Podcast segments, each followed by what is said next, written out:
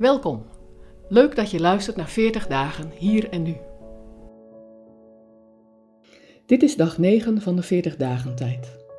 Je gaat luisteren naar een bijdrage van Haga Prins van Lume. Ze stelt een vraag. Wat geef jij door? Ken je de film Pay It Forward? Ik zag hem toen ik student was en ik weet nog dat hij veel indruk op me maakte. In de film zie je hoe de jonge Trevor een plan bedenkt om de wereld te verbeteren. Het Pay It Forward systeem. Jij helpt drie mensen met iets wat ze zelf niet kunnen, die op hun beurt ook weer drie mensen helpen. En zo kwam er in de film een beweging van goede daden op gang. Reken maar dat al die kleine daden een grootse uitwerking kunnen hebben.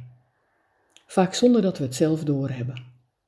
Zoals Anne Voskamp dat ook zo mooi verwoordt in haar brief aan mezelf.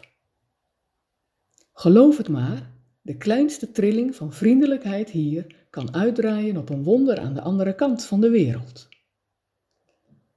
Jezus roept ons op meerdere plekken in de Bijbel op om ruimhartig te geven, uit te delen en goed te doen. Hij benadrukt daarbij zelfs: geven maakt gelukkiger dan ontvangen. En wat hebben we veel goeds om te geven en te delen? 2 Korintiërs 9, vers 8 slaat daarbij de spijker op zijn kop.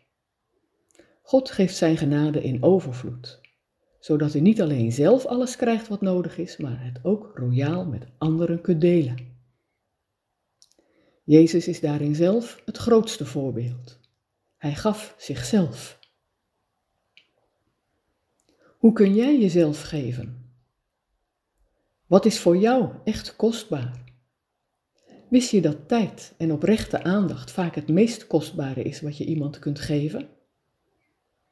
Tijd en aandacht waardoor je de ander echt ziet, net zoals Jezus de ander altijd echt zag. Jij kunt vandaag zijn licht en liefde doorgeven door echt oog te hebben voor de mensen om je heen. Wie is dat voor jou vandaag?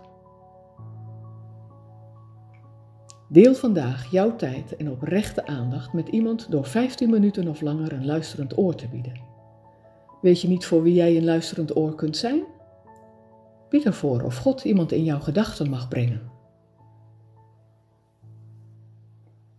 Wil je meer weten over deze podcastserie? Ga dan naar 40dagenhierennu.nl